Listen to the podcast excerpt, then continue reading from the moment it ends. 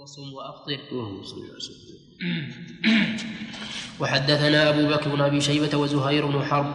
قال زهير حدثنا سفيان بن عيينة عن عمرو بن دينار عن عمرو بن أوس عن عبد الله بن عمرو رضي الله عنهما أنه قال قال رسول الله صلى الله عليه وسلم إن أحب الصيام إلى الله صيام داود وأحب الصلاة إلى الله صلاة داود عليه السلام. كان ينام نصف الليل ويقوم ثلثه وينام, سد وينام سدسه وكان يصوم يوما ويفطر يوما.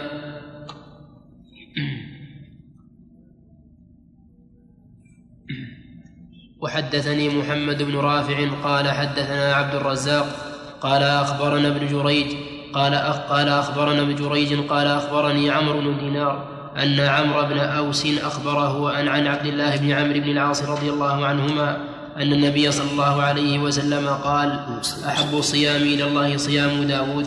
كان يصوم نصف كان يصوم نصف الدهر. وأحب وأحب الصلاة إلى الله عز وجل صلاة داود عليه السلام. كان يرقد شطر الليل ثم يقوم ثم يرقد آخره. يقوم ثلث الليل بعد شطره. قال قلت لعمرو بن دينار أعمرو بن أوس كان يقول يقوم ثلث الليل بعد شطره؟ قال نعم.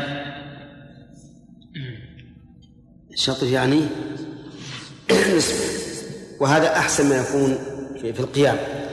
لأنه ينام النوم الطويلة أول أولا ثم يتهجد ثم ينوم ينام النوم اليسير هذه من أجل أن تنقض تعب التهجد. ثم يقوم لصلاة الفجر نشيطا. فإذا تيسر الإنسان هذا فهو خير. وإذا لم يتيسر فالأمر الحمد لله واسع. إيه.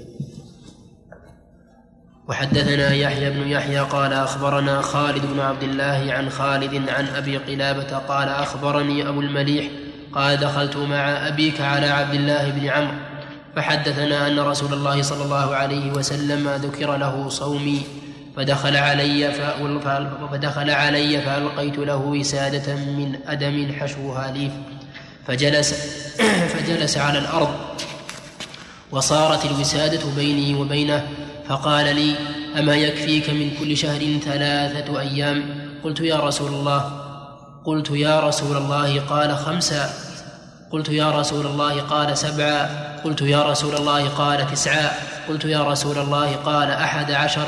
قلت يا رسول الله فقال النبي صلى الله عليه وسلم لا صوم فوق صوم داود شطر الدهر صيام صيام يوم وإفطار يوم. في هذا الحديث تواضع النبي صلى الله عليه وعلى آله وسلم لأنه لما وضع الوساده له لم يجلس عليه تواضعا منه عليه الصلاة والسلام. هذا هو الذي يظهر ويحتمل أن هناك سببا آخر. وفيه أيضا تواضعه من جهة أخرى أنه آه، تقدم له مثل هذه الوسادة آه، المتواضعة لأنها من أي شيء؟ من الليف وهو عليه الصلاة والسلام كان يستعمل مثل هذا وكان يركب الحمار عليه الصلاة والسلام. الله نعم. حدثنا أبو بكر بن أبي شيبة قال حدثنا غندر عن شعبة حاء وحدثنا محمد بن مثنى قال حدثنا محمد بن جعفر قال حدثنا شعبة عن زياد بن فياض قال سمعت أبا عياض عن قال سمعت أبا عياض عن عبد الله بن عمرو رضي الله عنهما أن رسول الله صلى الله عليه وسلم قال له صم يوما ولك أجر ما بقي. قال إني أطيق أكثر من ذلك. قال صم يومين ولك أجر ما بقي.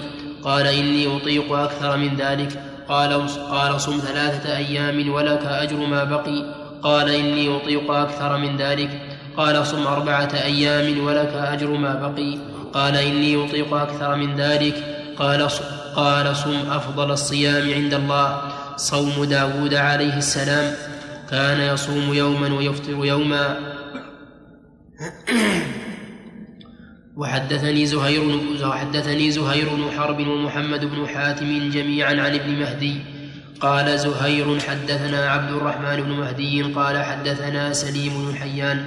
قال حدثنا سعيد بن ميناء. قال قال عبد الله بن عمرو قال لي رسول الله صلى الله عليه وسلم يا عبد الله بن عمرو بلغني أنك تصوم النهار وتقوم الليل فلا تفعل فإن لجسدك عليك حظا ولعينك عليك حظا وإن لزوجك عليك حظا صم وأفطر صم من كل شهر ثلاثة أيام فذلك صوم الدهر. قلت يا رسول الله إن بي قوة. قال فصم صوم داود عليه السلام. صم يوما وأفطر يوما فكان يقول يا ليتني أخذت بالرخصة اللهم صل وسلم ما في بحوث؟ جاء في أي بحث؟ الغزوات وجدت زيادة عما سبق؟ طيب نقرأ بسم الله الرحمن الرحيم.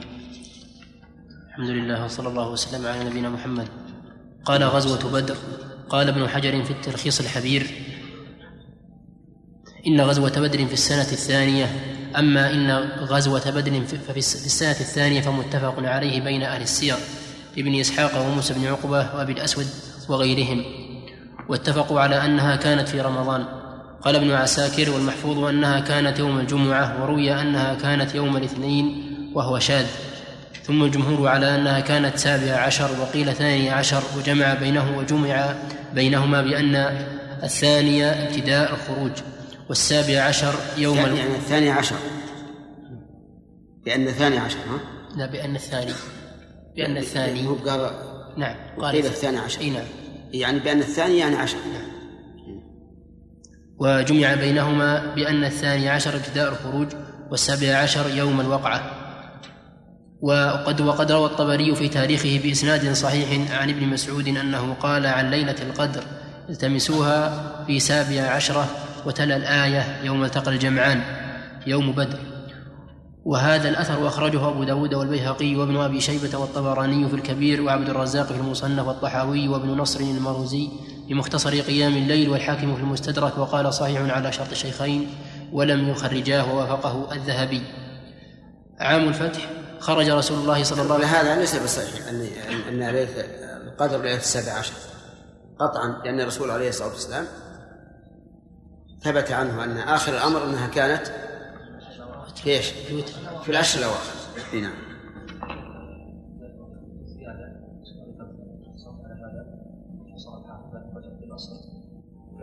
زيادة أثر ابن مسعود فيه أن ليلة القدر ليلة السابع عشر أو الحادي والعشرين أو الثالث والعشرين. هكذا يا شيخ الزيادة إيه. الزيادة في الطبراني زين.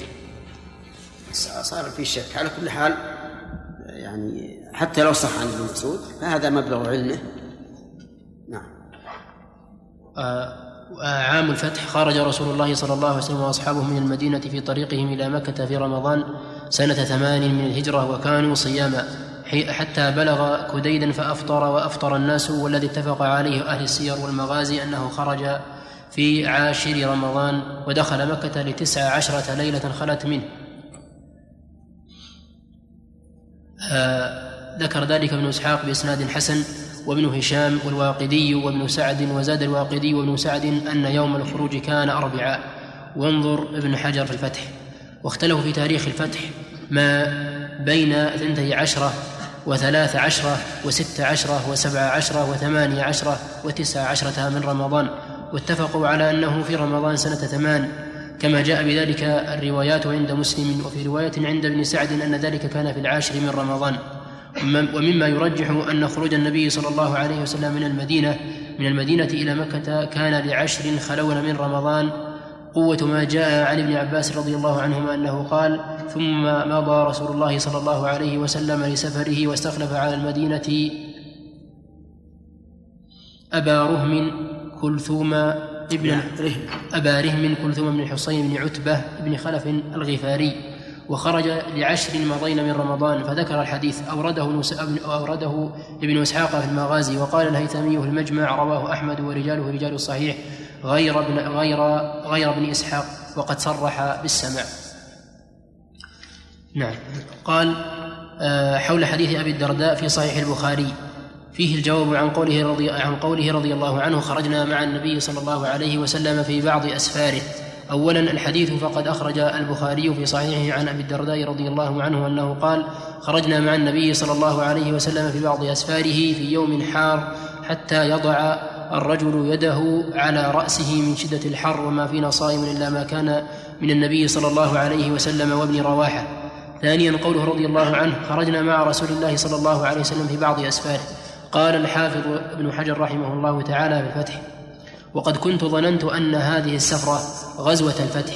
لما رأيت في الموطأ أن هذه أن هذه السفرة غزوة الفتح. غزوة. غزوة الفتح لما رأيت في الموطأ من طريق أبي بكر بن عبد الرحمن عن رجل من الصحابة قال رأيت رسول الله صلى الله عليه وسلم بالعرج في الحر وهو بالعرج وهو في الحر وهو يصب وهو يصب على رأسه الماء وهو صائم من العطش ومن الحر.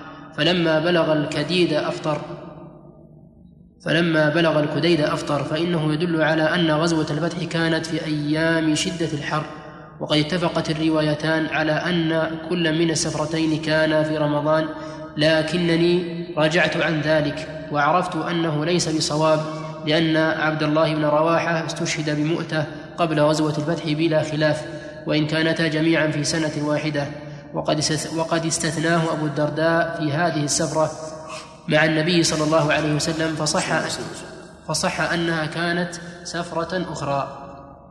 وأيضا فإن سياق أحاديث غزوة الفتح أن الذين استمروا من الصحابة صياما كانوا جماعة. وفي هذا أنه وفي هذا أنه وفي هذا أنه عبد الله بن رواحة وحده. وأخرج الترمذي من حديث عمر قال غزونا مع النبي صلى الله عليه وسلم في رمضان يوم بدر ويوم الفتح الحديث.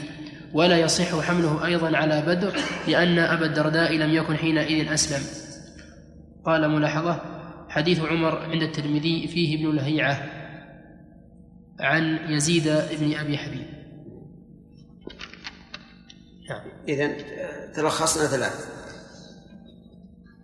بدر والثاني الفتح والثالث هذا الحديث بالدرجة لأنه لا لا لا يمكن أن يكون في غزوة الفتح ولا في غزوة بدر.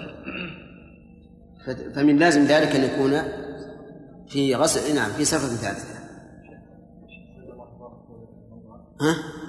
الله مبارك فوري صاحب العهد القديم شرح المشكات له كلام فيه زيادات على كلام الحافظ طيب. رايت يا شيخ؟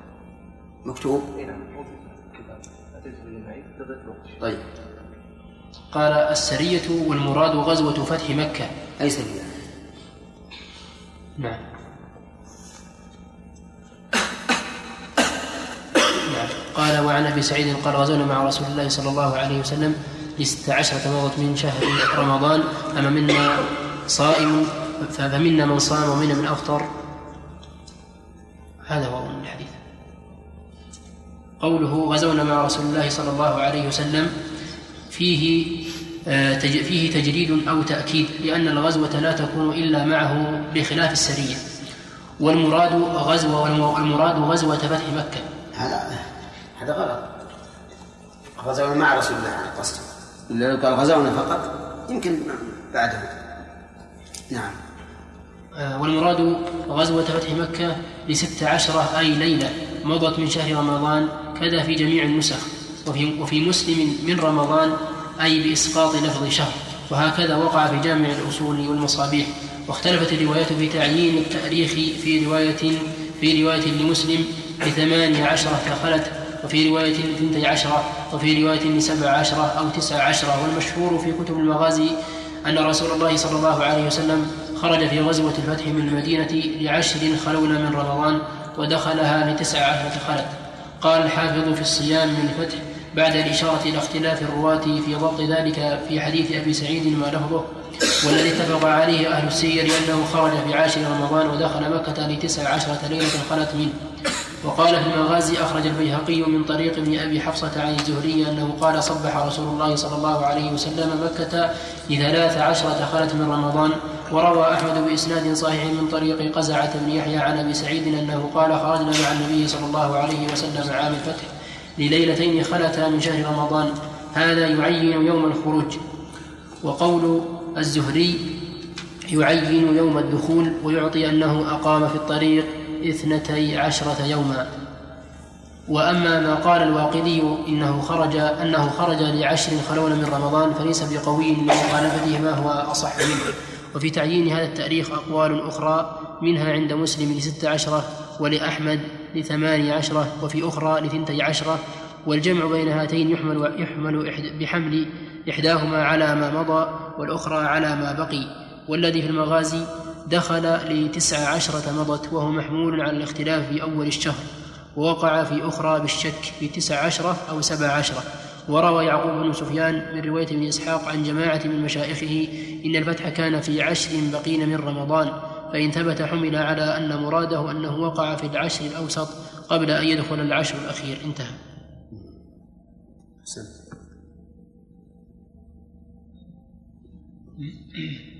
نعم. بدر كيف ذلك؟ اولا أن ابا الدرداء اختلف أو يشهد طيب وقد ذكر يعني اساكر الروايه انه شهد نعم.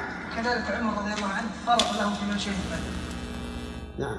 اذا واذا لم يثبت شهود بدر فربما يكون رواه احد الصحابه لا مع مع رسول الله. كنا مع رسول الله. لا ما يكون. كنا مع رسول الله وراء نعم بس ما يقول غزونا مع رسول الله هي تقتضي المصاحبة لكن إذا إذا ثبت أنه أسلم يعني قبل غزوة بدر هذا يحل الإشكال لا يمكن إيش؟ ها؟ سفرة غير سفرة بدر أو لأنه لم ينص أهل السير على أن سفرة النبي صلى الله عليه وسلم إلا في هو من لازم هذا. وإلا أو يقال أنه أسلم أسلم قبل غزوة بدر المهم أنكم الآن ما وجدت إلا ثلاث سفرات. سفرات مهما كان. يعني أدنى أعلى شيء نجد أنه أنه سافر في رمضان ثلاث مرات. مرة في لبدر ومرة للفتح ومرة ما يستلزمه حديث أبي الدرداء نعم. كيف أبو الدرداء نعم. الخبز السلام ذكر أنه بالأمس أن النبي عليه الصلاة والسلام رجع من تبوك في رمضان. إيه؟ فلو ثبت أيضا يعني وافق حديث أبي الدرداء لأنها كانت في شدة حر غزوة تبوك. إيه؟ ما؟ إيه، يمكن.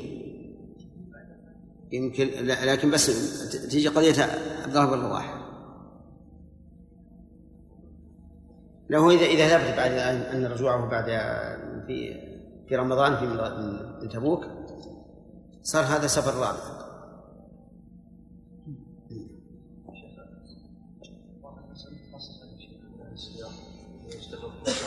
هذه المسألة ما هي ذات أهمية كبيرة. الحكم واضح والحمد لله.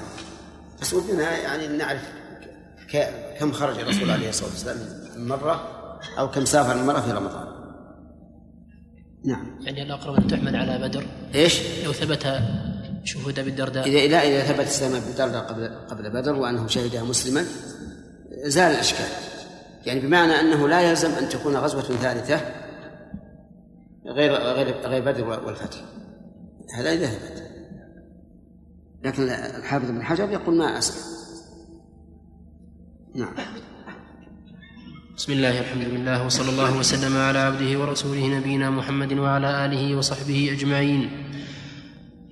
قال المترجم لصحيح مسلم رحمه الله باب استحباب صيام ثلاثة أيام من كل شهر وصوم يوم عرفة وعاشوراء والاثنين والخميس. قال مسلم رحمه الله تعالى حدثنا شيبان بن فروخ قال حدثنا عبد الوارث عن يزيد, عن يزيد الرشك قال حدثتني معاذة العدوية أنها سألت عائشة زوج النبي صلى الله عليه وسلم أكان رسول الله صلى الله عليه وسلم يصوم من كل شهر ثلاثة أيام؟ قالت نعم. فقلت لها من أي من فقلت لها من أي من أي أيام الشهر كان يصوم؟ قالت لم يكن يبالي من أي أيام الشهر يصوم. في هذا استحباب صيام ثلاثة أيام من كل شهر وأنها ليست خاصة بأيام معلومة بل تكون من أول الشهر وسطه وآخره. لكن الأفضل أن تكون في أيام البيض وهي الثالث عشر والرابع عشر والخامس عشر. فمن صامها في غيرها أدرك فضل صيام ثلاثة أيام من كل شهر. ومن صامها فيها أدرك ذلك وأدرك الوقت المستحب. كما يقول مثلا في الصلاة من صلاها في الوقت فقد أدركها في الوقت ومن صلاها في أوله فقد أدركها في الوقت وأدرك فضيلة أول الوقت. وحدثني عبد الله بن محمد بن أسماء الضبعي قال حدثني مهمد قال حدثني مهدي وهو ابن ميمون قال حدثنا غيلان بن جرير عن مطرف عن عمران بن حسين رضي الله عنهما أن النبي صلى الله عليه وسلم قال له أو قال لرجل وهو يسمع يا فلان أصمت من سرة هذا الشهر؟ قال لا. قال فإذا أفطرت فصم يومين.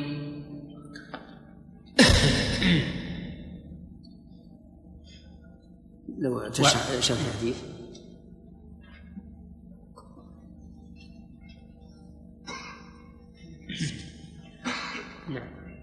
نعم.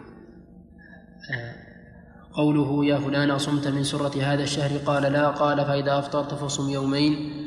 هكذا هو في جميع النسخ من سرة هذا الشهر بالهاء بعد الراء. وذكر مسلم بعده حديث أبي قتادة ثم حديث عمران أيضا في سرر شعبان. وهذا تصريح من مسلم بأن رواية عمران الأولى بالهاء والثانية بالراء ولهذا فرق بينهما وأدخل الأولى مع حديث عائشة كالتفسير له فكأنه يقول يستحب أن تكون الثلاثة الأيام من سرة الشهر وهي وسطه وهذا متفق على استحبابه وهو استحباب كون الثلاثة هي أيام أي هي أيام البيض وهي الثالث وهي الثالث عشر والرابع وهي الثالثة عشر والرابع عشر والخامس عشر. وقد جاء فيها حديث في كتاب الترمذي وغيره وقيل هي الثانية عشر والثالثة عشر والرابع عشر. قال العلماء ولعل النبي ولعل النبي صلى الله عليه وسلم لم يواظب على ثلاثة معينة لئلا يظن تعينها ونبه بسرة الشهر. وفي حديث الترمذي في أيام البيض على فضيلتها.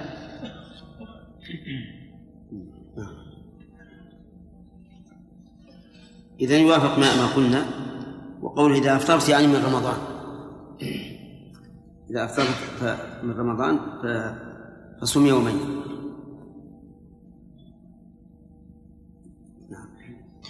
وحدثنا يحيى بن يحيى التميمي وقتيبة بن سعيد جميعا عن حماد. قال يحيى أخبرنا حماد بن زيد عن غيلان عن عبد الله بن معبد الزماني عن أبي قتادة رجل أتى النبي صلى الله عليه وسلم فقال كيف تصوم؟ فغضب رسول الله صلى الله عليه وسلم فلما رأى عمر رضي الله عنه غضبه قال رضينا بالله ربا وبالإسلام دينا وبمحمد نبيا نعوذ بالله من غضب الله وغضب رسوله. فجعل عمر رضي الله عنه يرد يردد هذا الكلام حتى سكن غضبه. فقال عمر يا رسول الله كيف بمن يصوم الدهر كله؟ قال لا صام ولا أفطر. أو قال لم يصم ولم يفطر. قال كيف من يصوم يومين ويفطر يوما؟ قال ويطيق ذلك أحد. قال كيف من يصوم يوما ويفطر يوما؟ قال ذاك صوم داود عليه السلام. قال كيف من يصوم يوما ويفطر يومين؟ قال وددت أن طو أني طوقت ذلك. ثم قال رسول الله صلى الله عليه وسلم ثلاث من كل شهر. ورمضان إلى رمضان فهذا صيام الدهر كله. صيام يوم عرفة أحتسب على الله أن يكفر السنة التي قبله والسنة التي بعده. وصيام يوم عاشوراء أحتسب على الله أن يكفر السنة التي قبله. إنما غضب النبي عليه الصلاة والسلام على سؤال هذا الرجل لأن صيغة السؤال ليست بجيدة. كيف تصوم؟ والذي يظهر إن الرجل انما سال هذا السؤال من أجل أن يتأسى بالرسول صلى الله عليه وعلى آله وسلم. ولكن النبي صلى الله عليه وسلم غضب عليه لصيغة السؤال. ثم إن عمر رضي الله عنه قال رضينا بالله ربا وبالإسلام دينا وبمحمد نبيا. نعوذ بالله من غضب الله وغضب رسوله. أراد رضي الله عنه أن يسترضي النبي صلى الله عليه وسلم حتى يزول غضبه. وفيه أيضا نوع من الاعتذار عن هذا الرجل بأنه ليس عنده شك في الأمر لكن ما كل إنسان موفق لصيغة السؤال الذي ينبغي أو الجواب الذي ينبغي. وقول حتى سكن غضبه أي غضب النبي عليه الصلاة والسلام. ففي هذا الحديث دليل على جواز الغضب. ولكن هل غضب الرسول عليه الصلاة والسلام لنفسه؟ لا. غضب الرسول عليه الصلاة والسلام لغير نفسه. حقها الخاص كان عليه الصلاة والسلام أحسن الناس معاملة. يعفو ويصفح. لكن إذا انتهكت محارم الله عز وجل أو كان السؤال غير غير لائق شرعا فإنه يغضب عليه الصلاة والسلام. وفي أيضا دليل على كراهة صوم الدهر كله لقول النبي صلى الله عليه وسلم لا صام. وفي أيضا دليل على أن الرسول عليه الصلاة والسلام يترك العمل بما هو أفضل منه. لقوله وددت أني طوقت ذلك يعني صرت مطيقا له. وفي أيضا أن صيام ثلاثة أيام من كل شهر ورمضان إلى رمضان صوم الدهر كله. وفيه فضيلة صوم يوم عرفة وصوم يوم عاشوراء. نعم. حدثنا محمد بن المثنى ومحمد بن بشار واللفظ لابن المثنى. قال حدثنا محمد بن جعفر قال حدثنا شعبة عن غيلان بن جرير أنه سمع عبد الله بن معبد الزماني الزماني عن أبي قتادة الأنصاري رضي الله عنه أن رسول الله صلى الله عليه وسلم سئل عن صومه. قال؟ سمع عبد الله بن معبد؟ أنه سمع عبد الله بن معبد الزماني. الزاني. نعم الزاني. الزماني. نعم. عن أبي قتادة الأنصاري رضي الله عنه أن رسول الله صلى الله عليه وسلم سئل عن صومه. قال فغضب رسول الله صلى الله عليه وسلم.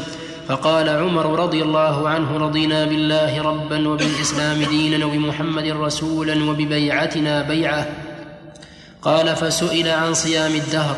فقال لا صام ولا أفطر أو ما صام وما أفطر. قال فسئل عن صوم يومين وإفطار يوم. قال ومن يطيق ذلك؟ قال وسئل عن صوم يوم وإفطار يومين.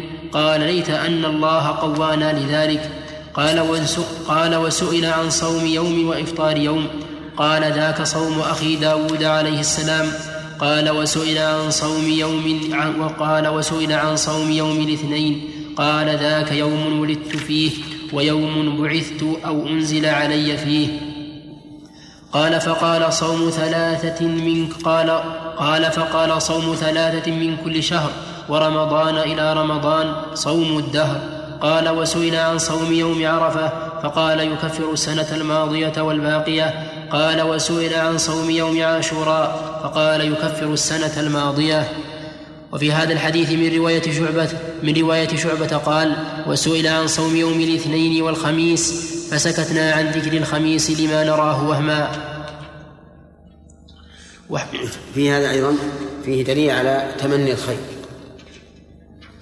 لقول النبي صلى الله عليه وسلم ليت أن الله ليت أن الله تعالى قوانا لذلك. وهذا لا يعد اعتراضا على القدر وإنما يعد تمنيا للخير. ومن تمنى الخير فإنه يكتب له أجره لا سيما إذا كان منع منه لأسباب. مانعة. وفي قصة الرجل الذي قال ليتني مال فلان فأعمل فيه مثل عمل فلان قال قال النبي صلى الله عليه وسلم هما في الأجر سواء. وفي قوله آه، سئل عن صوم يوم الاثنين قال ذاك يوم ولدت فيه و ويوم بعثت فيه أو بعثت أو أنزل علي فيه. وكذلك هو هو يوم توفي فيه. والعجب أن الذين يرون إقامة مولد مولد الرسول عليه الصلاة والسلام يستدلون بهذا الحديث. يقولون إن الرسول قال يوم ولدت فيه. فدل هذا على أن يوم ولادته له شأن عظيم. ولكنهم قد أبعدوا النجعة واستدلوا بالمتشابه. بل اتبعوا المتشابه. لأننا لو سلمنا جدلا أن هذا يدل على آه، أن يوم يوم مولده يوم عظيم له شأن عظيم. لقلنا إذن لا بد أن يكون أن يصادف متى؟ يوم الاثنين. ولا يصح أن يكون في الليلة الثانية عشر كما قيل. وثانيا أن أن أن نقول هو يوم ولد فيه. وهل منة الله على العباد بولادته أو ببعثته؟ بالبعثة لا شك. لأنه لو ولد ولم ولم ينزل عليه وحي ما كان ما كان فيه هدى للناس. وأيضا إذا كنتم تقيمون الموالد لمولده فأقيموا المآتم لوفاته لأنه أيضا توفي يوم الاثنين. لكن الذين يتبعون المتشابه دائما يضلون عن الحق وعن الهدى إما عنادا وإما أن الله سبحانه وتعالى لا يوفقهم لا يوفقهم للصواب. وقوله بعث أو أنزل الظاهر أن هذه شك من الراوي ولكن المعنى لا يختلف لأن الإنزال عليه إنزال القرآن هو بعثه عليه الصلاة والسلام. نعم.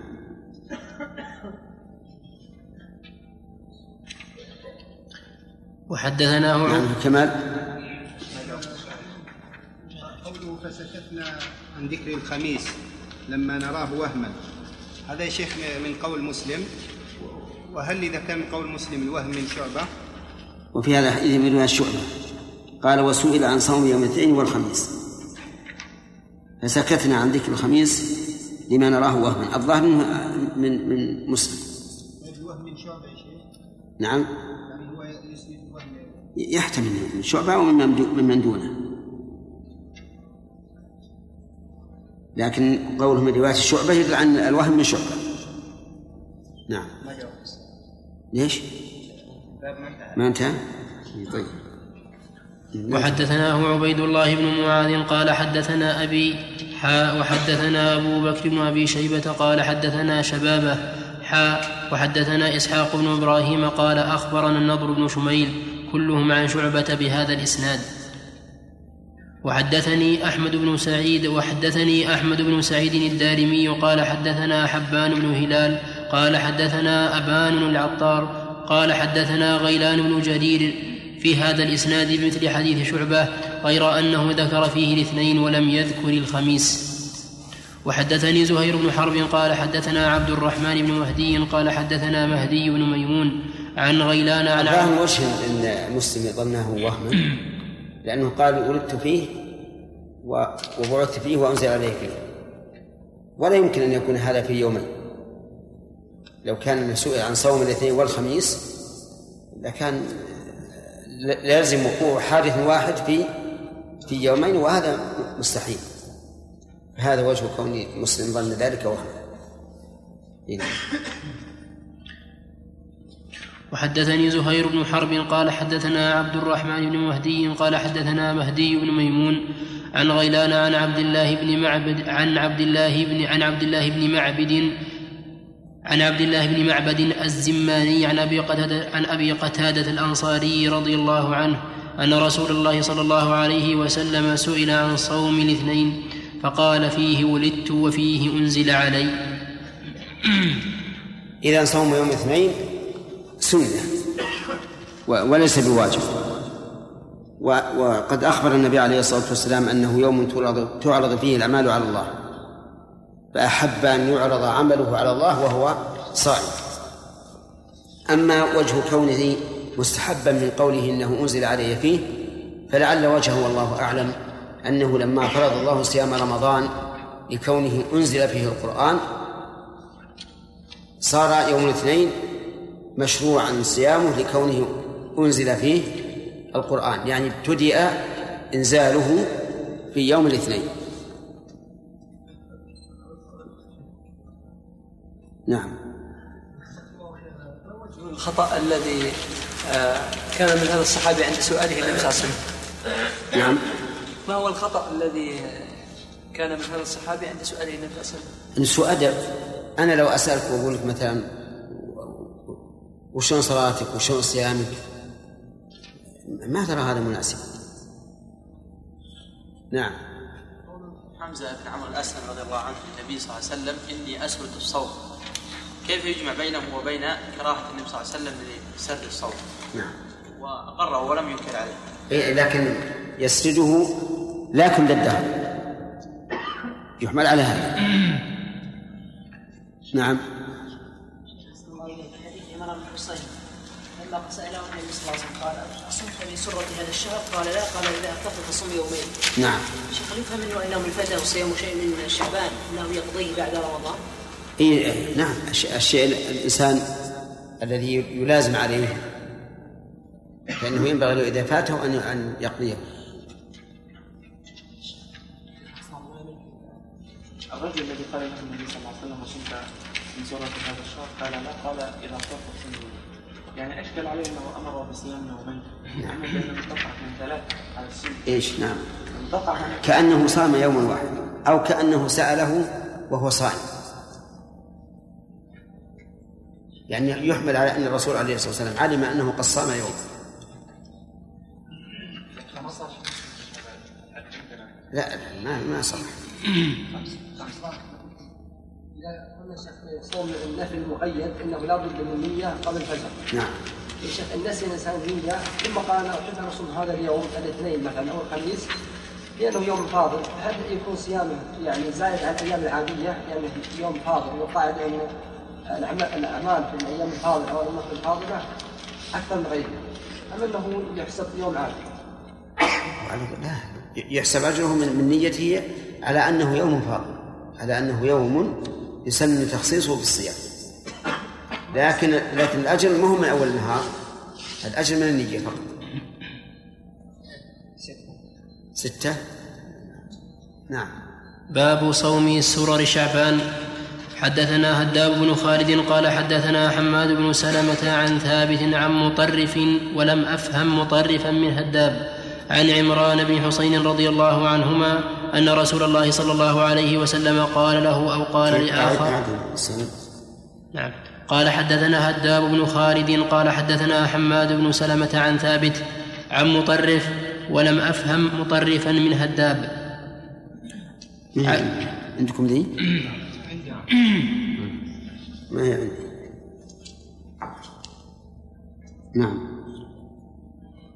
عن عمران بن حسين رضي الله عنهما أن رسول الله صلى الله عليه وسلم قال له أو لآخر أصمت من سور شعبان؟ قال لا قال فإذا أفطرت فصم يومين. لا اله الا الله اللهم صل على محمد اللهم رب هذه الدعوة.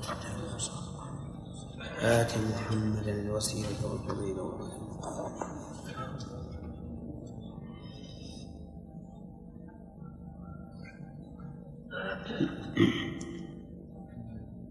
نعم. وحدثنا أبو بكر بن أبي شيبة قال قول حدثنا سر شعبان. السرر آخر الشهر. وسمي بذلك مأخوذ من الاستسرار يعني الاختفاء. وذلك أن القمر في في هذه الليلة 28 29 أو 29 30 يكون مختفيا. وأما اللفظ الأول الذي مر علينا فهو يقول من سرة هذا الشهر والفرق بينهما ظاهر. إذا اعتبرنا أن السرة هي الوسط كسرة الحيوان تكون في وسطه. وإما وأما إذا قلنا السرة من السرر أو الاستسرار تطابق الحديثان وعلى كل حال عندي حاشية يقول لعل, لعل النبي صلى الله عليه وسلم كان عنده علم بأن هذا الرجل أوجب على نفسه. أن يصوم. سرور سرور الشهر. فأمره النبي صلى الله عليه وسلم إذا أفطر أن يصوم. نعم. وحدثنا أبو بكر بن أبي شيبة قال حدثنا يزيد بن هارون عن الجريري عن أبي العلاء عن مطرف عن عمران بن حسين رضي الله عنهما أن النبي صلى الله عليه وسلم قال لرجل هل صمت من سرر هذا الشهر شيئا؟ قال لا. فقال رسول الله صلى الله عليه وسلم فإذا أفطرت من رمضان فصم يومين مكانه. حدثنا محمد بن المثنى قال حدثنا محمد بن جعفر قال حدثنا شعبة عن ابن عن ابن أخ عن, عن ابن أخي مطرف بن الشخير أنه قال سمعت مطرفا يحدث عن عمران بن حسين رضي الله عنهما أن النبي صلى الله عليه وسلم قال لرجل هل صمت من سرر هذا الشهر شيئا؟ يعني شعبان؟ قال لا. قال فقال له إذا أفطرت من رم... قال فقال له إذا أفطرت رمضان فصم يوما أو يومين. شعبة الذي شك فيه قال وأظنه قال يومين.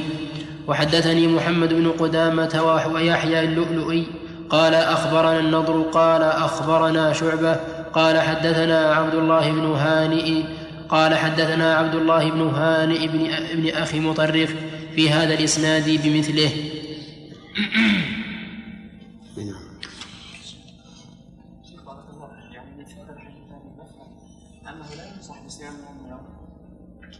لا كيف؟ صيام يومين؟ الأول أن النبي صلى الله عليه وسلم ما كان نعم. الثاني أن النبي صلى الله عليه وسلم لما سئل عن صوم يوم وإفطار يومين قال ليت أن الله قوانا لذلك نعم. فيوم ويومين باب اولى نعم. فلا ينصح وأمر النبي صلى الله عليه وسلم بإثبات العمل. كيف لا ينصح الرسول قال أفضل صيام صيام داوود هو لداوود عليه السلام. لا لا. صيام كان يصوم يوما ويفطر يوما لكن قول الرسول ليت الله قوانا على هذا لأن الرسول مشغول بأشياء كثيرة. من تنظيم الأمة والجهاد وغير ذلك. فلا يقوى ولهذا كان يصوم حتى يقال لا يفطر ويفطر حتى يقال لا يصوم لما لتعلق حاجاته. أحيانا ما يفرغ ولا ولا صيام يوم يوم يومين. لكن شيخ الله اشكال عليه قوانا هل يعني الامه لا قوان أول ما يدخل فيه. حتى باللفظ الأول ولدت أن الله أن أن الله طوقني. نعم سليم. تعالى لأن يعملون المولد والمطوفين في مكة والمزورين في المدينة. ولأنهم يستخدمون يجيبون أسئلة أو يجيبون أدعية من عندهم ولا يتبعون لا, لا ما يتبعون الأدعية المأثورة. لو أخذوا شيء بسيط من من من المأثورة يجون يجيبون شيء من من عندهم. من حتى الإنسان ما ما يحب لهم بعض الأمور. صحيح. ما ادري وش عندهم والثاني أن تلقى ان ان هذول اللي يتعمقون مثل الموت ومثل المطوفين هذول تلقاهم مخالف مخالف الرسول صلى الله عليه وسلم بس انه هم بحلق اللحى ولا تلقاه مخالف يعني أكثر ما ما يرى فيه من, من العمل. لا شك ان أنا أقول كل بدعه كل بدعة ضلال. نعم علي. صيام الناس أنهم يتقصدون أيام الأيام ويجعلونها راتبة طول العام. نعم. أيهما أفضل؟ أن يجعلها راتبة طول العام أو أن يغير شهرا أو شهرين؟ أما الإنسان لا, لا الأفضل أن يجعلها راتبة. إلا إنسان له شغل. إنسان له شغل. الرسول لا كما قلنا كان يصوم حتى يقال لا يفطر ويفطر حتى يقول لا يصوم. لأنه أعمال كثيرة. الأفضل ثلاثة أيام لأنه أمر أن تصامها. أمر أن نصوم من الشهر ثلاثة عشر وأربعة عشر وخمسة عشر. خالد. من خمسة. نعم. بين بين الرسول صلى الله عليه وسلم أن أفضل الصيام صيام نعم. وأفضل القيام قيام. نعم. وقال إنه كان ينام نصف الليل ويقوم ثلثه وينام ثلثه نعم. إذا قام نصف الليل إذا نام نصف الليل نعم. يلزم من ذلك أنه ينام بعد المغرب؟ من أجل أن ينام نصف الليل والله أولا بارك الله فيك أن قد تكون أوقات الصلاة عندهم في شريعة داود عليه الصلاة والسلام غير أوقات الصلاة عندهم. يعني في احتمال أن أن الصلاة عندهم بكرة وعشية. فهمت؟ كما قال تعالى يسبحني بالعشي والإشراق. هذه واحدة. الشيء الثاني إذا ثبت ولا ولا أظنه يثبت أن لهم صلاة أن في شريعة داوود صلاة مغرب وعشاء كهذه كهذه الشريعة فالمعنى نصف الليل يعني ينتهي إلى نصف الليل بعد ما يصلي العشاء ينام ثم ينتهي نومه إلى نصف الليل نعم آه. رضيت أربعة باقي واحد شيخ قول النبي صلى الله عليه وسلم فإذا أفطرتم فصوم يومين مكانه شيخ فهمت من الحديث أن الذي يداوم على صيام ثلاثة أيام من كل شهر ويعني تركها يعني لا عندي قلت لكم عندي حاشية يقول لعل الرسول علم أن هذا الرجل نذر. ولهذا أوجبه أن يصوم بعد بعد رمضان. والله أعلم هذه قضية عين الله أعلم. نعم. باب فضل صوم المحرم. حدثنا قتيبة بن سعيد قال حدثنا أبو عوانة عن أبي بشر عن حميد بن عبد الرحمن الحميري عن أبي هريرة رضي الله عنه أنه قال قال رسول الله صلى الله عليه وسلم أفضل الصيام بعد رمضان شهر الله المحرم وأفضل الصلاة بعد الفريضة صلاة الليل. هذا الحديث أفضل الصيام بعد رمضان شهر الله المحرم. قيل إن أفضل الشهور أن يصام فيه شهر محرم. وفي هذا نظر لأن الرسول صلى الله عليه وسلم كان يصوم في شعبان أكثر من صيامه في المحرم. وقيل المعنى أفضل الصيام يعني أن تصوم الشهر كله. وهذا أيضا فيه نظر لأن عائشة رضي الله عنها وهي من أعلم الناس بحال النبي صلى الله عليه وسلم تقول ما رأيته يصوم في شهر أكثر من صيامه في في شعبان. هناك احتمال ثالث أن المعنى أفضل الصيام يصومه الإنسان في شهر المحرم لكن لا يصومه كله ولا يجعله كشعبان. فتكون السنة العملية مبينة للسنة القولية. وهذا هو أحسن ما ما ما أرى. وقال بعضهم أفضل الصيام بعد رمضان شهر المحرم يراد به صوم يوم عاشوراء وأنه من باب إطلاق الكل على الجزء. لكن هذا فيه نظر لأن كونه يذكر الشهر كله ولا يريد منه إلا يوما واحدا هذا بعيد. فالأقرب والله أعلم ما, ما ذكرنا. أنه أفضل الشهور يصام فيه لكنه لا يصام كله ولا أكثر. لأجل أن نقيد السنة القولية بالسنة العملية. وأفضل الصلاة بعد الفريضة صلاة الليل أيضا ليس على الإطلاق لأن الصلوات المعينة في النهار أفضل من صلاة الليل. فالرواتب مثلا أفضل من من صلاة الليل المطلقة. وهكذا ينبغي للإنسان إذا مرت به النصوص أن يقيد بعضها ببعض وأن يحمل بعضها على بعض حتى لا يقع التضارب والتناقض فيها.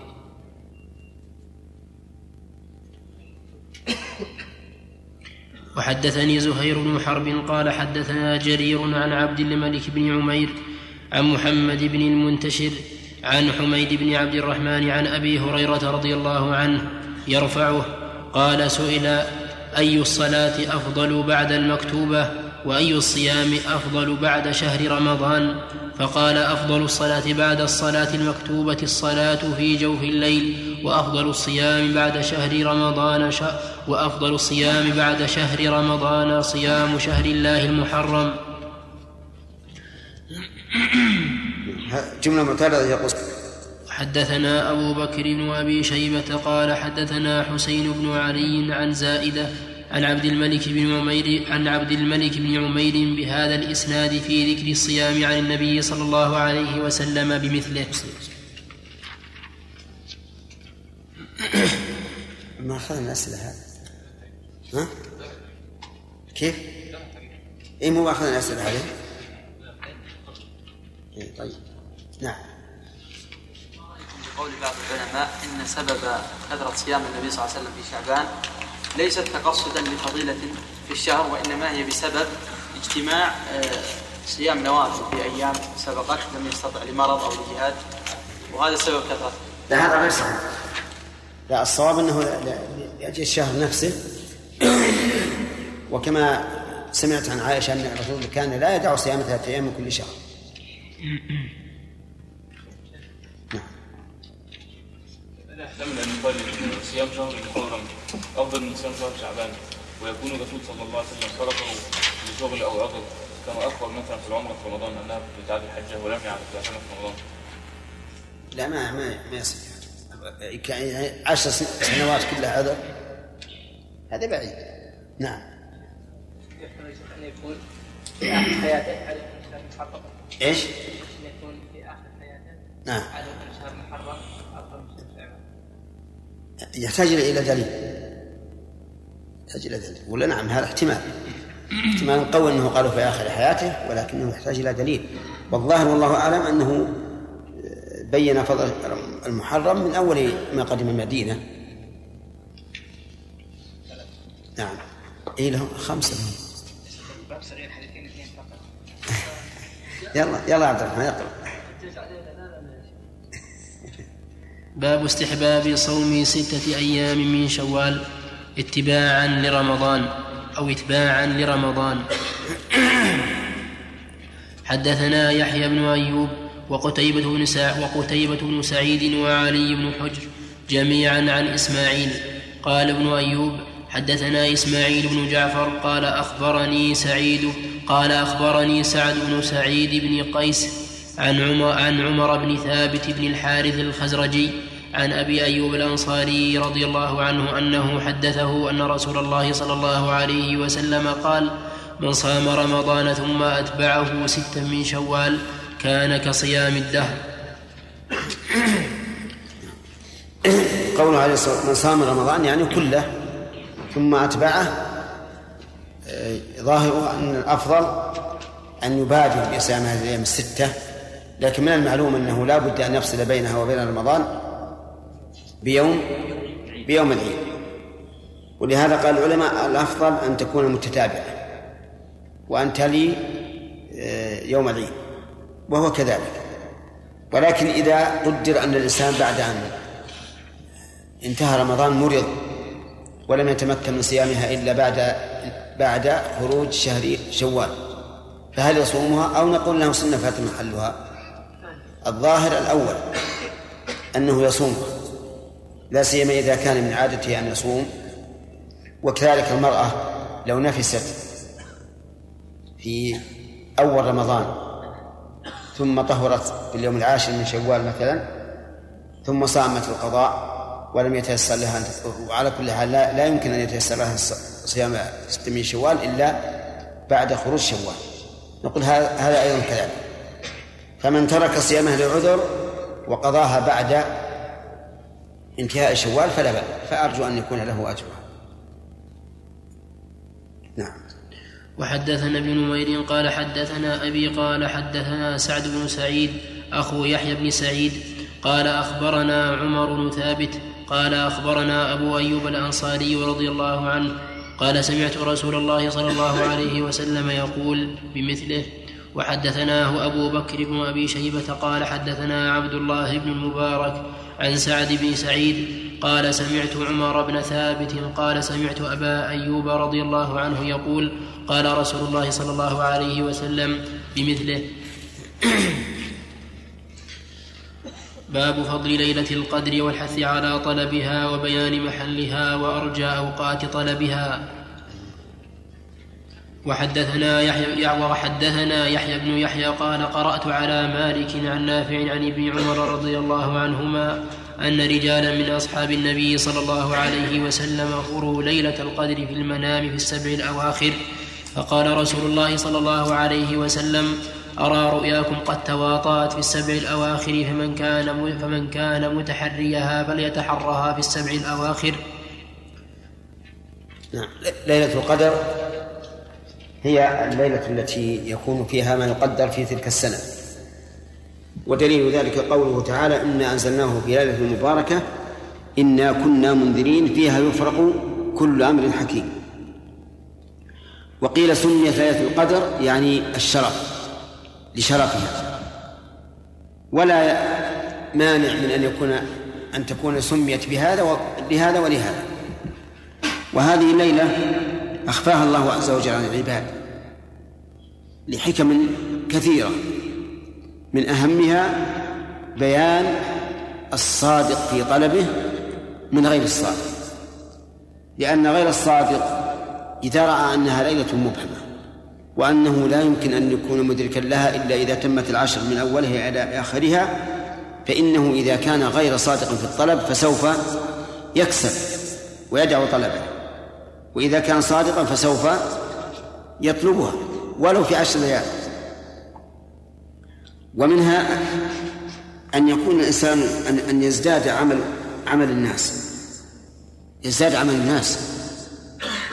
لأن هذا التهجد في ليالي العشر لا شك أنه زيادة خير للإنسان يقربه إلى الله عز وجل. ومنها أيضا أن الإنسان يتحرى في كل ليلة أنها ليلة القدر فيكون في قلبه رجاء وقوة وحسن ظن بالله في كل ليلة لكنها لو كانت ليلة معلومة لقامها مرة وانتهى. فالمهم أن إبهامها فيه حكم كثيرة وهي كانت في أول رمضان ثم في وسطه ثم في آخره. فقد كان النبي عليه الصلاة والسلام يعتكف أول رمضان العشر الأول ثم اعتكف الأوسط ثم قيل له إنها في العشر الأواخر. فاعتكف في العشر الأواخر. وهذه الليلة وردت السنة في تعيينها بألوان مختلفة. لا يمكن الجمع بينها إلا إذا قلنا إنها تتنقل في ليالي العشر. يعني سنة تكون في ليلة 21 وسنة في ليلة 29 وسنة فيما بين ذلك. لأنه بهذا تجتمع الأدلة كما سيذكره مسلم رحمه الله. من فضائلها أن من قامها إيمانا واحتسابا غفر الله له ما تقدم من ذنبه ولها علامات. منها آه، إضاءة ليلتها. مع أنها تكون في آخر الشهر في العشر الأواخر لكن تكون ليلتها مضيئة. أكثر إضاءة من غيرها. ومنها انشراح قلب المؤمن فيها وسروره. ومنها أن ليلتها أن صباحها تطلع فيه الشمس ليس لها شعاع. لكن هذه العلامة التي تكون في هذا الوقت تكون مقوية لرجاء الإنسان أنه أصابه إذا كان مجتهدا في تلك الليلة.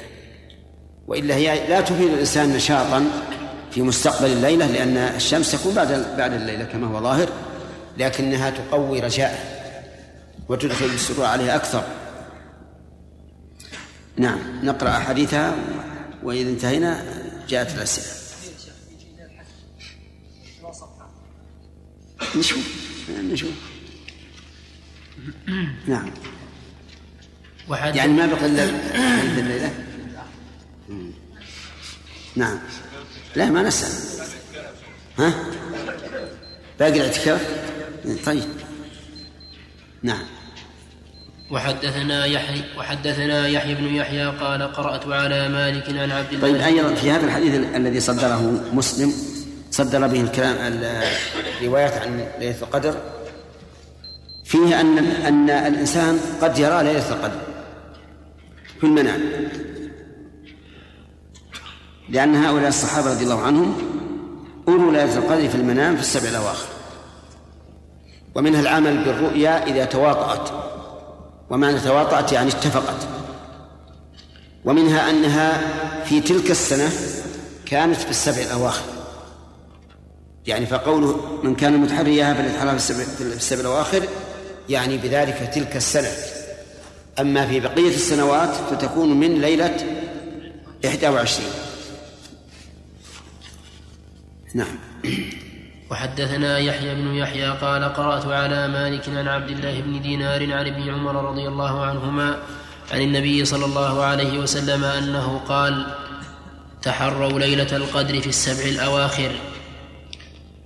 هذا من الحديث الأول. لأن الأول عن عن ابن عمر. نعم. وحدثني عمرو الناقد وزهير بن حرب. قال زهير حدثنا سفيان بن عيينة عن الزهري عن سالم عن أبيه رضي الله عنه أنه قال رأى رجل أن ليلة القدر ليلة سبع وعشرين فقال النبي صلى الله عليه وسلم أرى رؤياكم في العشر الأواخر فاطلبوها في الوتر منها.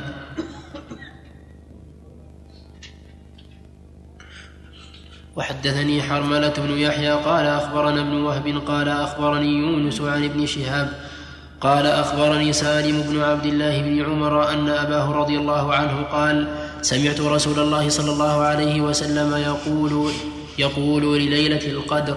إن ناسا منكم قد أروا أنها في السبع أو في أنها في السبع الأول وأري ناس منكم أنها في السبع الغوابر فالتمسوها في العشر الغوابر. الغوابر يعني البواقي نعم. وحدثنا محمد بن المثنى قال حدثنا محمد بن جعفر قال حدثنا شعبة عن عقبة وهو ابن حريث قال سمعت ابن عمر رضي الله عنه يقول عنهما يقول قال رسول الله صلى الله عليه وسلم التمسوها في العشر الأواخر يعني ليلة القدر فإن ضعف أحدكم أو عجز فلا يغلبن على السبع البواقي. هذا دليل على أنها في سبع البواقي أحرى منها في بقية العشر. نعم. وحدثنا محمد بن المثنى قال حدثنا محمد بن جعفر قال حدثنا شعبة عن جبلة قال سمعت ابن عمر رضي الله عنهما يحدث عن النبي صلى الله عليه وسلم أنه قال من كان ملتمسها فليلتمسها في العشر الأواخر.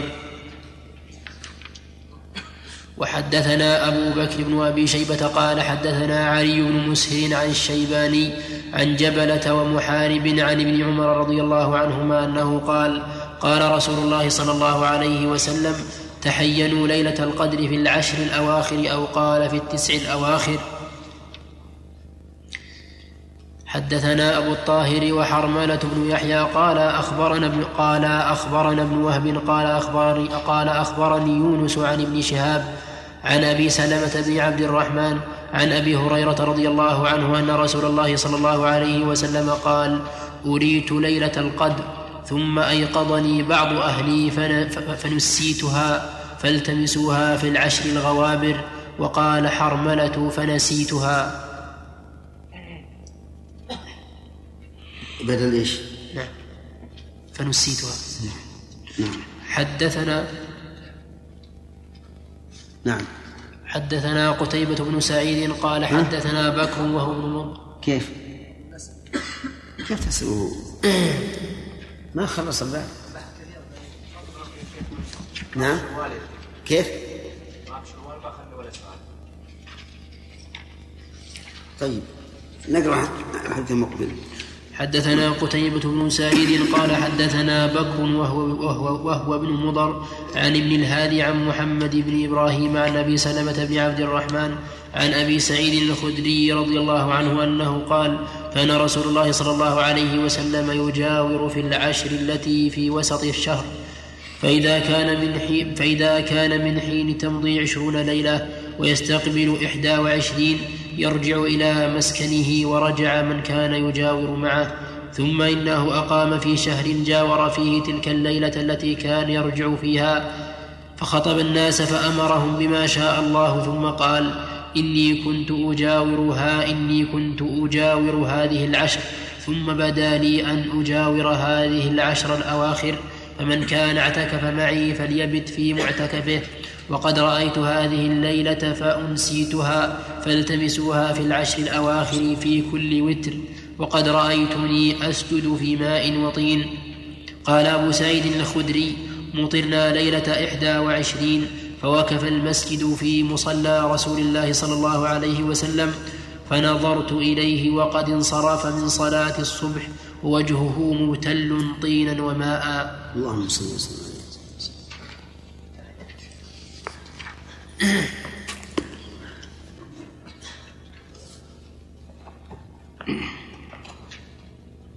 نبدأ بسم الله. بسم الله الرحمن الرحيم. الحمد لله رب العالمين وصلى الله وسلم على عبده ورسوله نبينا محمد وعلى آله وصحبه أجمعين. قال الإمام مسلم رحمه الله تعالى في كتاب الصيام من صحيحه وحدثنا ابن أبي عمر قال حدثنا عبد العزيز عن الدراوردي عن يزيد عن محمد بن إبراهيم عن أبي سلمة بن عبد الرحمن عن أبي سعيد الخدري رضي الله عنه أنه قال طيب قوله في الحديث الذي قبله حديث ابن سعيد.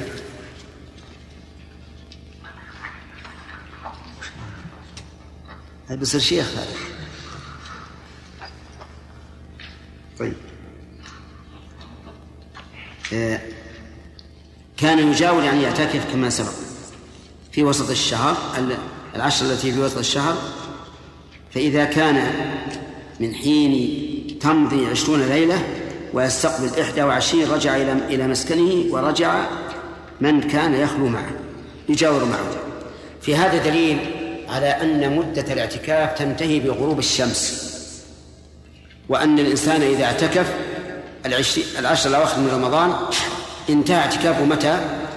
إذا غابت الشمس ليلة عيد الفطر وما ذكر عن بعض العلماء أنه يبقى إلى أن يخرج صلاة العيد فيحتاج إلى دليل.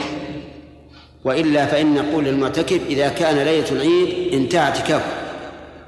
العشر الأواخر من رمضان متى تنتهي؟ بغروب الشمس. إذا أخرج إلى أهلك. انتهى وقت الاعتكاف. ولهذا كان الرسول صلى الله عليه وسلم لما كان يعتكف الأوسط إذا مضى عشرون ليلة واستقبل 21 رجع إلى مسكن إلى مسكنه.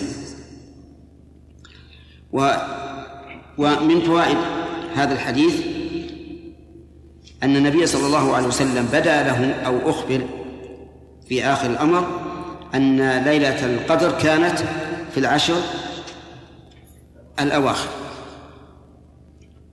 والخطبة معروفة في المتن. و ومن فوائد هذا الحديث أن الله تعالى قد يري قد يري بعض الناس آية يستدل بها على ليلة القدر. وجهه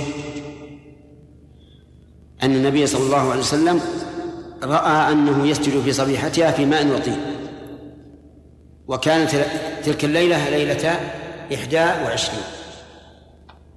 هذه الرؤيا قد يراها الإنسان في أول الليل إذا كان له نومة وقد يراها في آخر الليل. والله تعالى يؤتي فضله من يشاء. ومن فوائد هذا هذا الحديث أن النبي صلى الله عليه وسلم يلحقه النسيان. لقوله صلى الله عليه وسلم فأنسيتها وهو كذلك.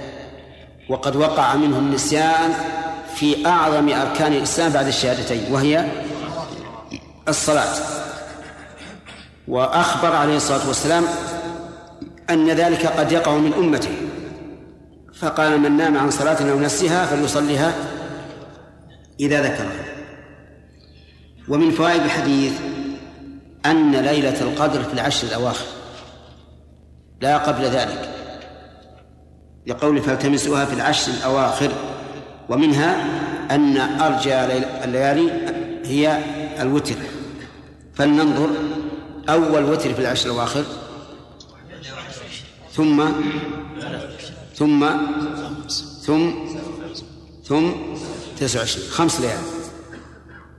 هذا الوتر. ومن فوائد هذا الحديث ما كان عليه النبي صلى الله عليه وسلم وأصحابه من شرف العيش.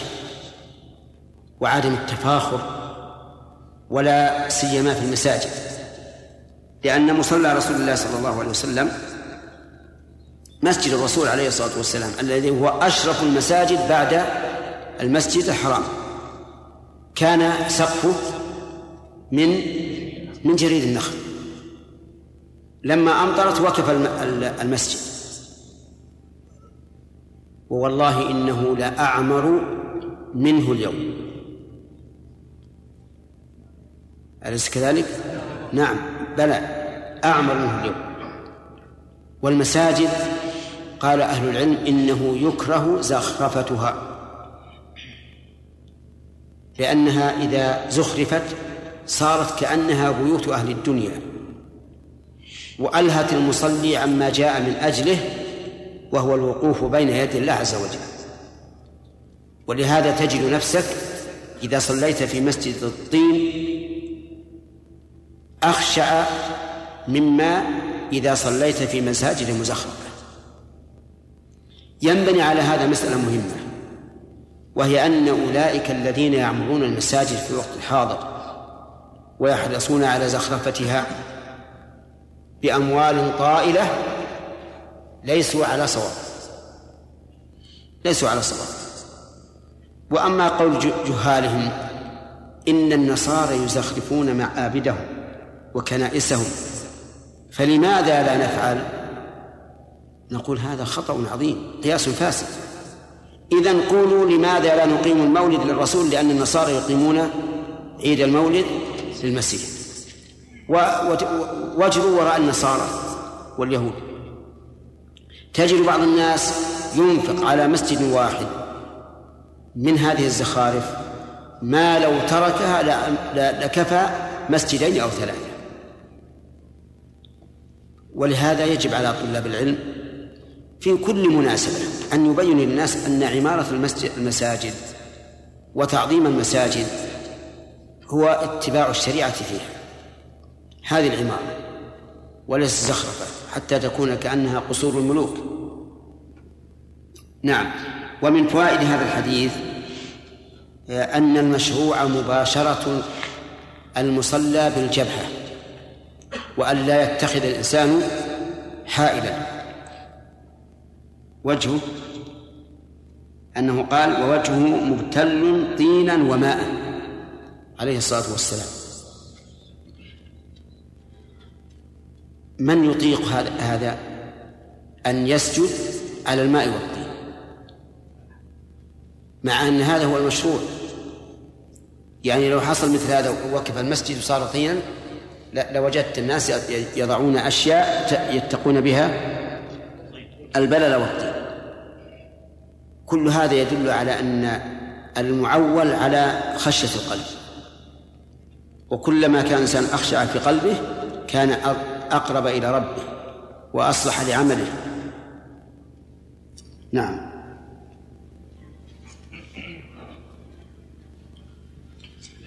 وحدثنا ابن أبي عمر قال حدثنا عبد العزيز يعني الدراوردي عن يزيد عن محمد بن إبراهيم عن أبي سلمة بن عبد الرحمن عن أبي سعيد الخدري رضي الله عنه أنه قال كان رسول الله صلى الله عليه وسلم يجاور في رمضان العشر التي في وسط الشهر وساق الحديث بمثله غير أنه قال فليثبت في معتكفه وقال وجبينه ممتلئا طينا وماء.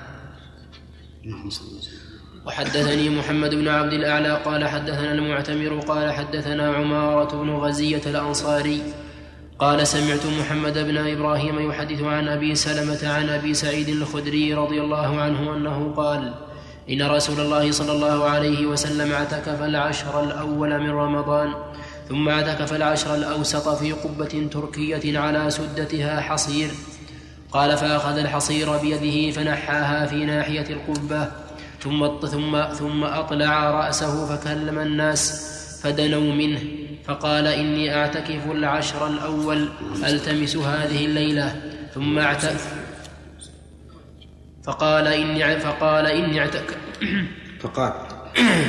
فقال إني اعتكفت العشر الأول ألتمس هذه الليلة ثم اعتكفت العشر الأوسط ثم أتيت فقيل لي إنها في العشر الأواخر.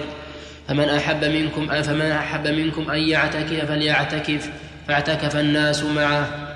قال وإني أريتها ليلة وتر وأني أسجد صبيحتها في طين وماء فأصبح من ليلة إحدى وعشرين وقد قام إلى الصبح وقد قام إلى الصبح فمطرت السماء فوقف المسجد فأبصرت الطين والماء فخرج حين فرغ من صلاة الصبح وجبينه وروثة أنفه فيهما الطين والماء. وإذا هي ليلة إحدى وعشرين من العشر الأواخر. اللهم صل وسلم إذا كان فهمنا من هذا أن الرسول اعتكف في هذه السنة الشهر كله. يلتمس ليلة القدر العشر الأول ثم الأوسط ثم الأخير. وفي قوله من أحب منكم آه، أن يعتكف فليعتكف. إشارة إلى أن التطوع لا يلزم بالشروع وإلا لازمهم أن يعتكفوا العشر الأواخر لأنهم شرعوا في الاعتكاف. لكن جعل الأمر موكولا إليه. وفيه أيضا العمل بالرؤيا وهذا واضح. وقوله روثة أنفه يعني طرفه. وجبينه يعني جبهته. نعم.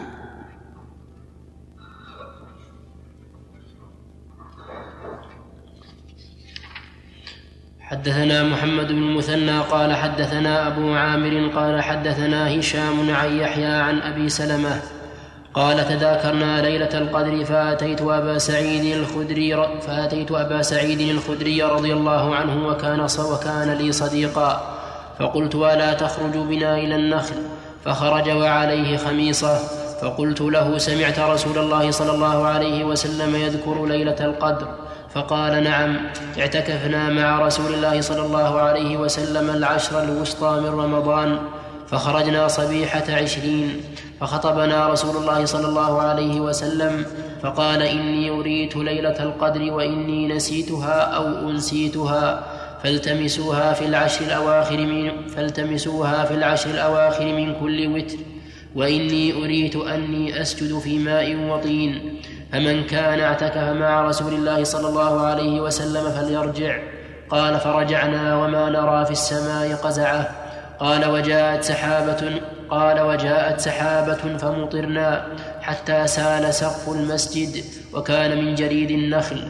وأقيمت الصلاة فرأيت رسول الله صلى الله عليه وسلم يسجد في الماء والطين.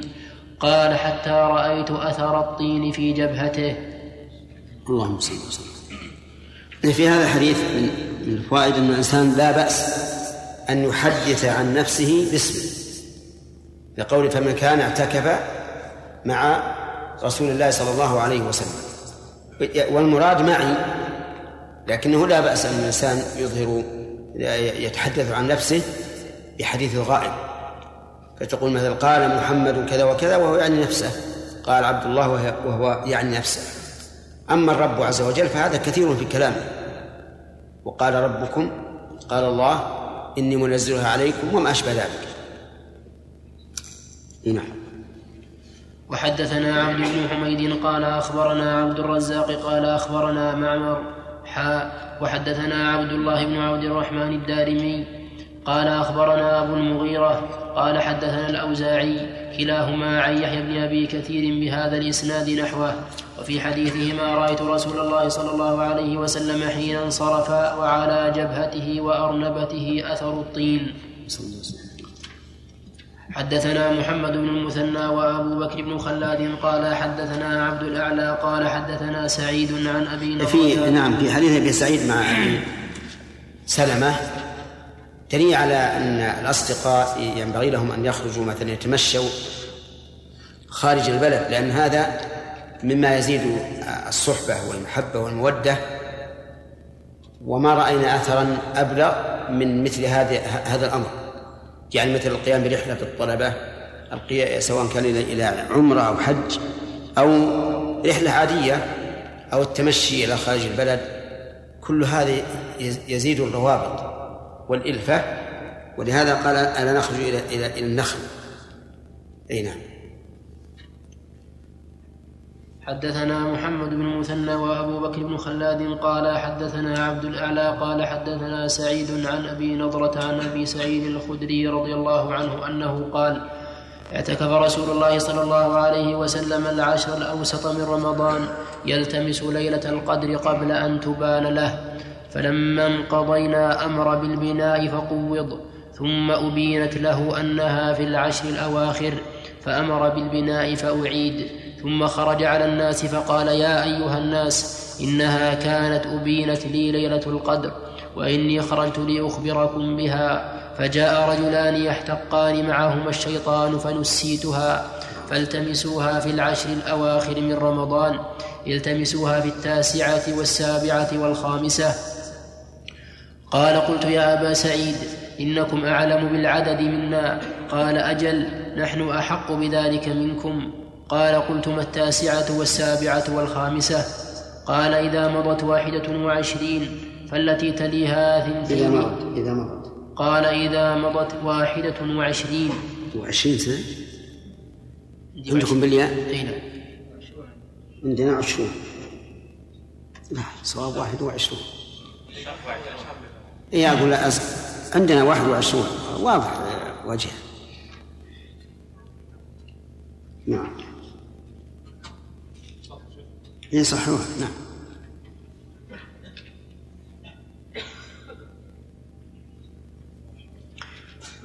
قال إذا مضت واحدة وعشرون فالتي, تل فالتي تليها ثنتين وعشرين وهي التاسعة.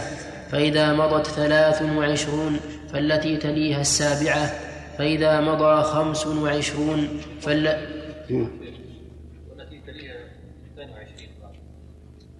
فإذا مضت فإذا مضت نعم فإذا مضت ثلاث وعشرون فالتي تليها السابعة فإذا مضى خمس وعشرون فالتي تليها الخامسة. وقال ابن خلاد مكان يحتق مكان يحتقان يختصمان. في هذا الحديث دليل على على أن المخاصمة سبب لرفع الخير لكن قد يكون رفع الخير خيرا. كما قال تعالى فإن كرهتموهن فعسى أن تكرهوا شيئا ويجعل الله فيه خيرا كثيرا. فهذا هذا هذه المخاصمة فات بها خير في تلك السنة المعينة. لأنه لو علموها لكان أهون عليهم من أن يقيموا كل ليالي. لكن فيها مصلحة للأمة وهي أن تبقى مبهمة حتى يكثر الناس من طلبها في العبادة والاعتكاف وغير هذا. نعم. وحدثنا العدد المعروف الآن؟ نعم. يتمسوها في السابعة. في التاسعة والسابعة والخامسة. التاسعة ما هي؟ إذا مضت واحدة وعشرون فالتي تليها اثنتين وعشرين وهي التاسعة. التاسعة متى تكون التاسعة؟ هو يبدأ من آخر ثلاثون تسعة وعشرون آه، ثمانية وعشرون سبعة وعشرون ستة وعشرون خمسة وعشرون أربعة وعشرون ثلاثة وعشرون. كم؟ اثنتان وعشرون. من, من الآخر تكون هي التاسعة. يعني في تاسعة تبقى إذا مضت ثلاثة وعشرون فالتي تليها السابعة. كم هي؟ ليلة أربعة وعشرين. ولا لا؟ ابدأ من الآخر.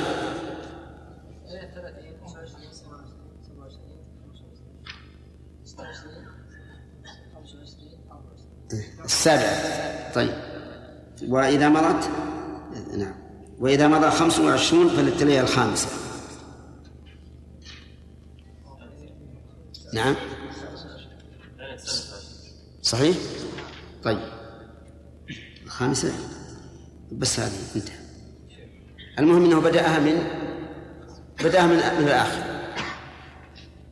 في التاسعة والعشرون في, في الثانية والسابعة والخامسة. الشرح عندكم متعرضها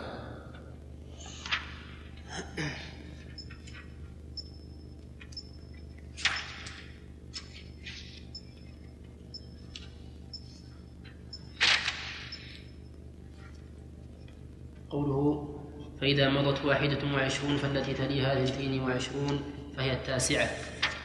هذا الشيء نعم. نعم. هكذا هو في أكثر النسخ اثنتين وعشرين بالياء وفي بعضها ثنتان وعشرون بالألف. والوا- والواو والألف أصوب وهو منصوب بفعل محذوف تقديره أعني ثنتين وعشرين. قوله بس. لعلها قبل هذا التمسوها في التاسع ها؟ كيف؟ ما هي في الأول التمسوها في التاسعة؟ أبد ما تكلم إطلاقا عندك شيء يا عبيد الله؟ ها.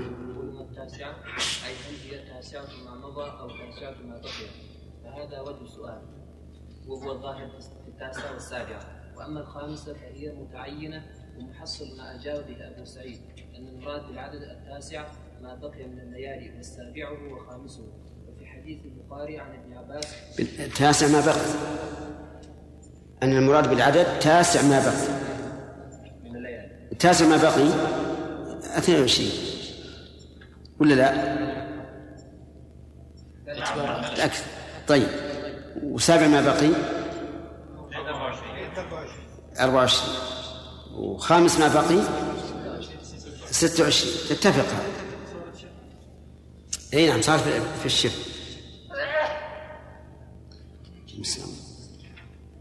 ويمكن أن يقال في كل وتر إن هذا يعني يرجع إلى تمام الشهر أو نقصانه فمثلا إذا قلنا في التاسعة ونقص الشهر تكون التاسعة 21 تكون التاسعه 21 وإن تم صارت الثانية والعشرين.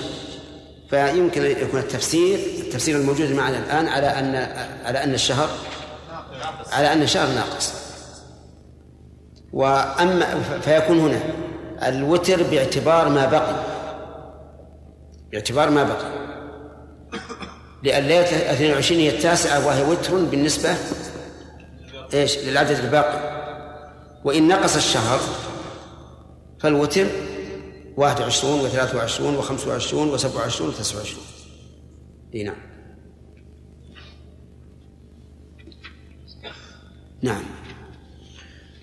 وحدثنا سعيد وحدثنا سعيد بن عمرو بن سهل بن إسحاق بن محمد بن الأشعث بن قيس الكندي وعلي بن خشرم قال حدثنا أبو ضمرة قال حدثني الضحاك بن عثمان وقال ابن خشرم عن الضحاك بن عثمان عن أبي النضر مولى عمر بن عبيد الله عن بسر بن سعيد عن عبد الله بن أنيس أن رسول الله صلى الله عليه وسلم قال أريت ليلة القدر ثم أنسيتها وأراني صبحها أسجد في ماء وطين. قال فمطرنا ليلة ثلاث وعشرين. فصلى بنا رسول الله صلى الله عليه وسلم فانصرف وإن أثر الماء والطين في جبهته وأنفه. على نعم. فانصرف وإن أثر الماء والطين على جبهته وأنفه. قال وكان عبد الله بن أنيس يقول ثلاث وعشرين.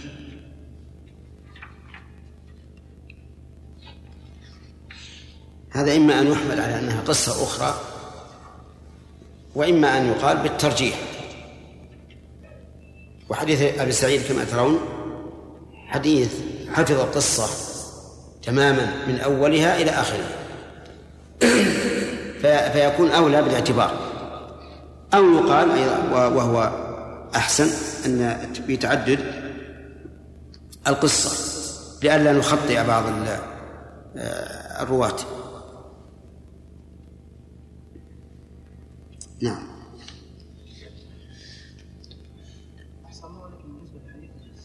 اي نعم. هل هو باعتبار الشهر تغير العدد هو التاسع هو هو التاسع فيما بقي.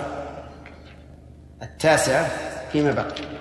فإن كان الشهر تاما فين 22 وإن كان ناقصا فهي 21 نعم. إي نعم تكون شف. لكن لكنها وتر باعتبار ما بقي ما بقي. إيه باعتبار ما يعني هذا حديث على هذا على هذا؟ اي بس الباب طويل نعم. نعم. يلا. لا هو إن شاء الله عليكم إذا كان الحق معي. طيب. قول النبي صلى الله عليه وسلم نسيتها هذا يعني عدول عن نسيت نسيتها اي يعني لأن هذه ألطف في العبارة والرواة يعني بعضهم شك فيها. هل هي نسيتها أو نسيت لا يكره نسيت ما يكره. لا لا يكره. لكن هذا الذي يكره في القرآن أن يقول نسيت. كما قال بئس ما بئس ما لأحدكم أن يقول نسيت آية كذا وكذا. وإنما يقيل وإنما يقول نسيتها أو أنسيتها. نعم. ضاعت الطاسة عن كل يسأل الحين يلا سلام. إيش؟ الرؤيا نعم. ما هي الرؤيا التي يعني ممكن ما يراها النائم في المنام يمكن أن يقال عنه رؤيا أي نعم. هي ما يراه النائم ثلاثة أقسام غالبا يدور على ثلاثة أقسام إما حلم وهذا هو الذي يرى ما يكره. يعني حلم من الشيطان. إما حلم من الشيطان وهو أن يرى ما يكره. وإما حلم يحمل عليه حديث النفس وما كان شاغلا لبال لبال النائم. وإما رؤيا وهي أن أن تكون يعني مركزة مرتبة. ويكون الإنسان يعني في الغالب يكون مسرورا بها. ولهذا لما سأل رجل النبي صلى الله عليه وآله وسلم وقال يا رسول الله إني رأيت في المنام أن رأسي قد قطع فذهب يشتد فذهبت وراءه أشتد.